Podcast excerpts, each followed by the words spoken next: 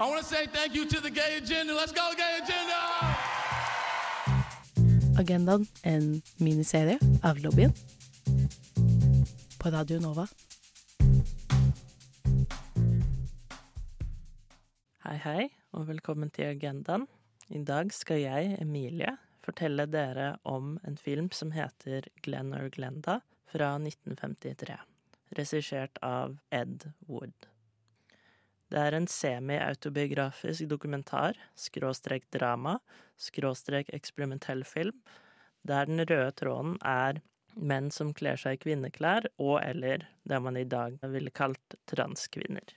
Den har en fragmentert og drømmeaktig kvalitet til seg. Regissørens personlige historie kommer tydelig frem i filmen. Bare en liten advarsel helt på toppen her. Når jeg diskuterer denne filmen, så kommer jeg til å snakke om selvmord. Jeg kommer til å snakke om homofobi og transfobi. Jeg kommer til å bruke utdaterte ord for transkvinner og transfeminine. Og konklusjonen av filmen er mildt sagt problematisk. Filmen åpner med at en transfeminin person har drept seg selv.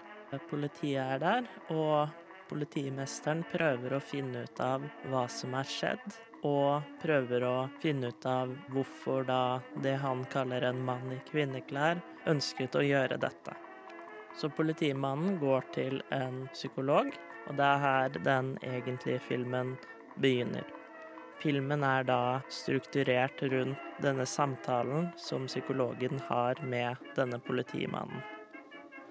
I den første vignetten så forklarer psykologen politimannen hva en transperson eller en transfeminin person er. Det er en veldig positivt ladet gjennomgang.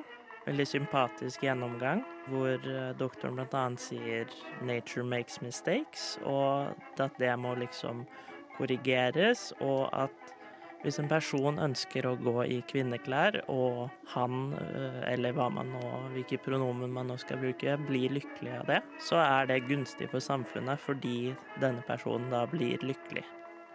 Etter at uh, psykiateren har forklart hva en transfeminin person er, så går vi inn i vår første historie. Den handler om Glenn, som da også er Glenda.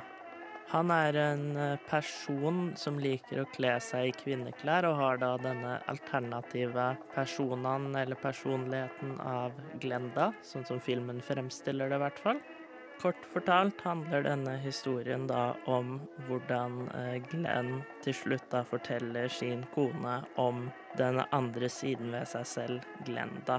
På veien så er det en ti minutter lang burlesk dansesekvens. Det er en utvida eh, drømmesekvens hvor eh, alle personene i livet til Glenn peker på han og ler.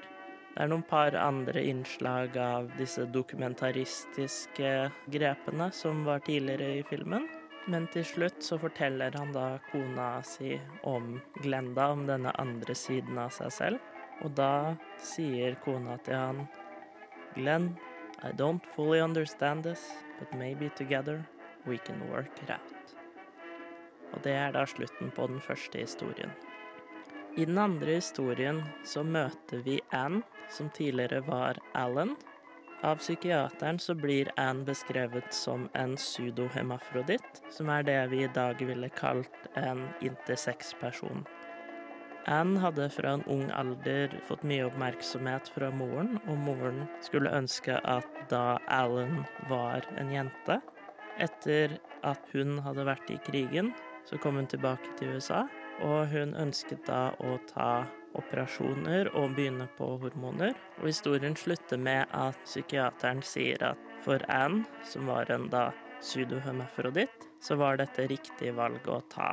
Og da at hun ble lykkeligere når hun tok alle operasjoner og begynte på hormoner og levde fullt ut som Anne.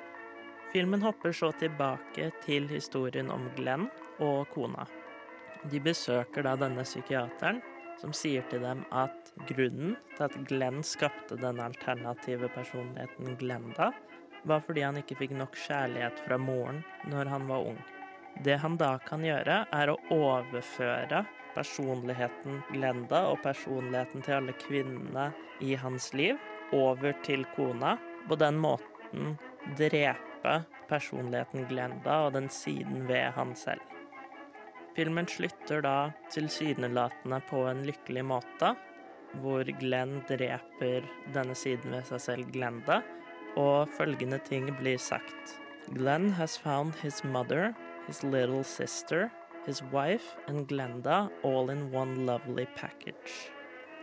I løpet av filmen er det også en karakter spilt av den originale Dracula, Bella Lugosi, som er en slags gud som sier masse urelatert dialog. Så det er vanskelig å putte det inn i en vanlig oppsummering av filmen. Nå kan man jo spørre seg selv om hva verdien av å se en 70 år gammel, utdatert, transfobisk og homofobisk film er, men jeg tenker det er verdt å snakke om denne filmen av flere grunner. For det første er det en underholdende film eh, med mye kitsch-verdi. Det er veldig mye morsom dialog.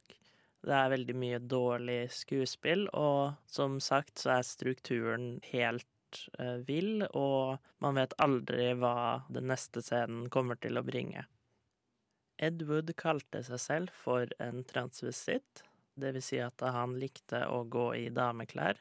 Og denne filmen kan tolkes som hans forsøk på å prosessere disse følelsene han har om seg selv, og hans egen kjønnsskeivhet.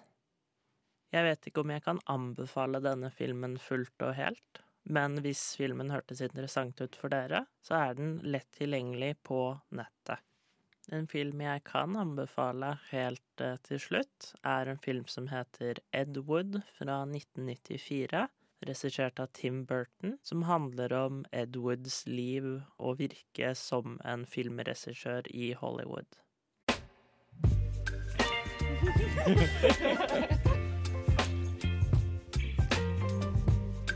Agendaen. Agendaen. Agendaen.